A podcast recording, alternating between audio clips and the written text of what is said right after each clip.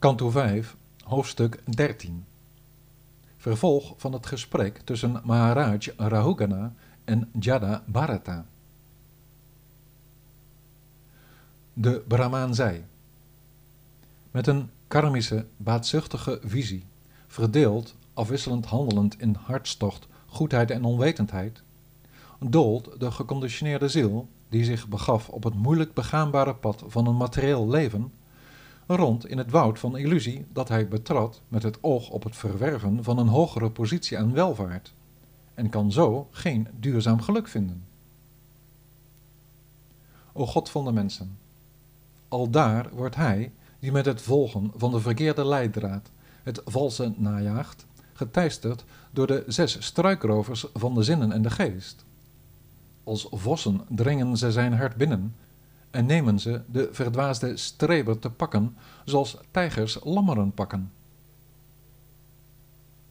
In de tuinen, vol van klimplanten, grassen en struikgewas, waar hij zich dan weer met een luchtkasteel verbeeldt dat hij tussen de Gandharva's is beland, en dan weer in een mum bezeten raakt van een boze geest, wordt hij vreed verstoord door stekende muggen, nare gevolgen op dat wereldse pad zich van hot naar haar reppend, om een of andere verblijfplaats, water en wilde de zijne te noemen, o koning, is hij, het spoorbijster, zo nu en dan verblind vanwege het rokerige stof dat werd opgeworpen door een wervelstorm.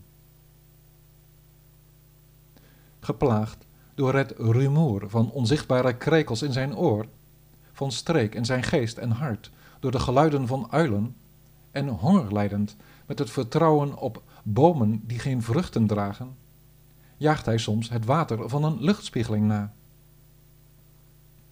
De ene keer afgaand op drooggevallen rivieren, niets verdienend, en voedsel of financiële ondersteuning vragend van anderen die ook door hun voorraad heen zijn, is hij de andere keer wanhopig over de bosbrand van het materieel bestaan en over wat er terecht kwam van de wilde die door de boeven andere baatzuchtigen werd ingepikt. Belast door zijn besturende superieuren, de halfgoden, ervaart hij soms droefenis in zijn hart en raakt hij, verbijsterd, buiten zinnen in zijn klagen. En dan weer is hij, met het betreden van een aards hemelrijk, een korte tijd vol van vreugde, alsof hij het ware geluk zou hebben gevonden. Soms worden, rondzwervend, zijn voeten door doornen en steentjes gepijnigd als hij de heuvels van sociale conventies wil beklimmen, en wordt hij neerslachtig bij iedere stap die hij doet. En soms ziet hij, met een hongerige maag, met zijn ambities, het als gezinshoofd niet meer zitten en wordt hij kwaad op zijn eigen gezinsleden. Bij tijden op zichzelf aangewezen in het woud wordt de geconditioneerde ziel verzwolgen door de python van de indolentie en begrijpt hij er niets meer van. Aangevallen door gifslangen en gebeten, benadeeld door egoïsten, laat hij dan soms, gevallen in een ongeziene put, bij tegenslagen zijn hoofd hangen, verblind geraakt in diepe duisternis. Dan weer uit op wat honing, op zinsbevrediging, wordt hij teleurgesteld door de verontruste bijenkorf in kwestie, door instituten van sociale controle. Of anders wordt, juist, als hij met veel moeite probeert aan zijn trekken te komen, vervolgens ruw het voorwerp van zijn begeerte voor zijn neus weggekaapt door een seksuele rivaal. Soms, ook niet in staat de kou, de hitte, de wind of de regen tegen te gaan, voelt hij zich machteloos en ellendig. En dan weer, met anderen zich inspannend voor een beetje handel, haalt hij zich, zoals dat gaat, vijandigheid op de hals vanwege de misleiding ter wille van het voordeel. Nu en dan, berooid, moet hij het stellen zonder beddengoed, een zitplaats, een huis en de gemakken van een gezin, en klopt hij noodlijdend bij anderen aan. Niet krijgend wat hij nodig heeft, begeert hij vervolgens het bezit van anderen en vervalt hij in schandelijk gedrag.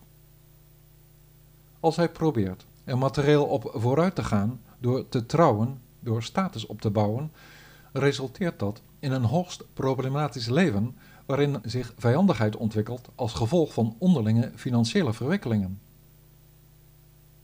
Op het pad van het materieel bestaan raakt hij dan volledig geruïneerd door tegenslagen en geldnood, door financiële crisis. Al dus ronddolend, terwille van hun eigen belang, zien alle levende wezens zich geplaatst voor de plicht hen achter zich te laten die stierven en degenen die ze het leven gunden met zich mee te nemen. O held, tot op de dag van vandaag heeft nog niemand die hier deze materiële weg bewandelt, het uiteindelijke doel van de toegewijde dienst en de zaligheid in de yoga weten te bereiken.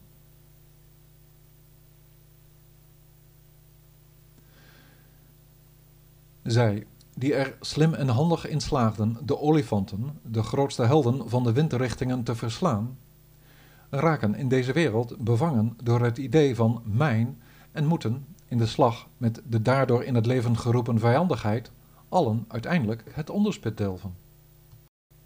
Ze bereiken niet de werkelijkheid van de staf van de verzaking, de vrijwillige boete, sannyasa, die vrij van vijandigheid wel leidt tot vervolmaking. Vasthoudend aan de toevlucht van de armen van de levenspartner, die is als een klimplant, zingt men soms een vreemdgaand liedje in het verlangen het gezang te horen van een andere vogel van toevlucht.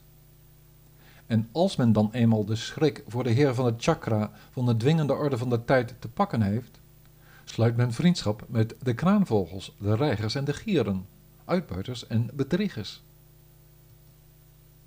Door hen bedrogen zoekt men vervolgens contact met de zwanen, brahmanen, intellectuelen, maar ontevreden over hun praktijken, zoekt men zijn heil bij de apen, losbandigen, predikers van zinsbevrediging, in de omgang waarmee men, hoogst bevredigd in zijn zinnelijkheid, elkaar in het gezicht staart zonder te beseffen dat men op de dood afstevend.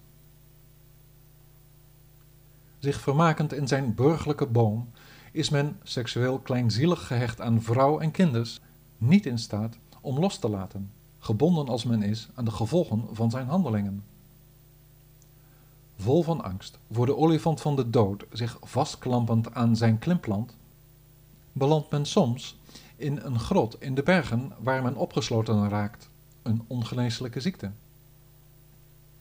Op de een of andere manier aan dit gevaar ontsnappend, o doder van de vijanden, pakt men opnieuw het oude leventje op. Dat pad van genot dat de geconditioneerde ziel bewandelt onder de invloed van Maya en waarin men tot de dood erop volgt, nergens wat van snapt. Koning Rahugana, ook u bewandelt zeker dit bospad van het materiële bestaan, maar als u eenmaal uw politieke macht hebt opgegeven en u zich vriendelijk gedraagt jegens alle levende wezens, zult u zich niet langer aangetrokken voelen tot het onware en zal u het, door middel van dienst aan de Heer gewette zwaard van de kennis, ter hand nemen om de oversteek te maken naar de allerhoogste werkelijkheid in het voorbije.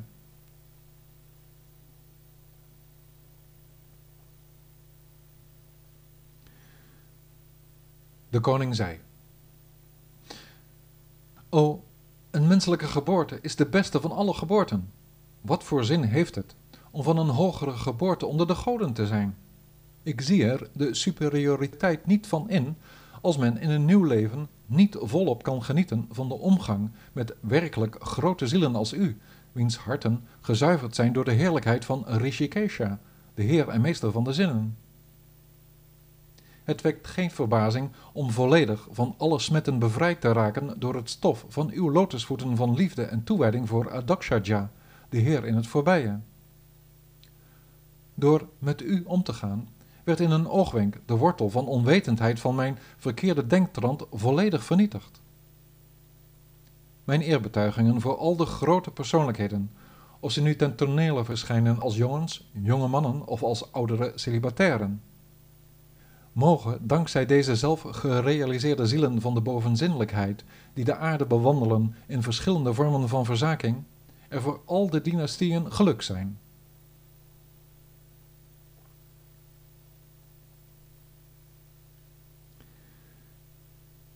Sri Shuka zei.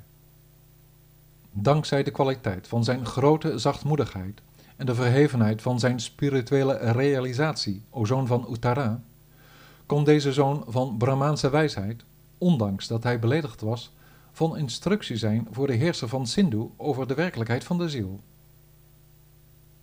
Hij wiens lotusvoeten door Rahugana zo vol van spijt werden aanbeden, en die een hart had waarin, zoals in volle zee, al de golven van de informatie van de zinnen volledig tot rust werden gebracht, trok daarna verder in vrijheid rond over deze aarde. O koning, de koning van Sauvira, die dankzij de instructies van een verheven persoonlijkheid tot een volkomen begrip kwam van de waarheid van de opperziel, slaagde er al dus in het lichamelijk begrip van het zelf geheel op te geven dat hij er in zijn onwetendheid op had nagehouden, en hield van toen af aan trouw vast aan het pad van de geestelijke erfopvolging die zijn aanvang nam bij de Heer.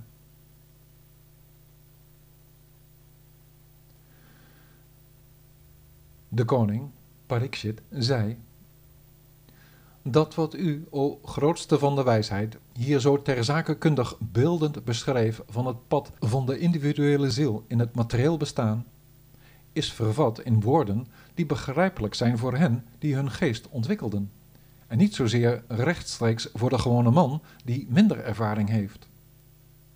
Zou u daarom, voor het heil van een volledig begrip van deze zo moeilijk te bevatten materie, ons alstublieft in andere woorden willen vertellen wat het precies inhoudt.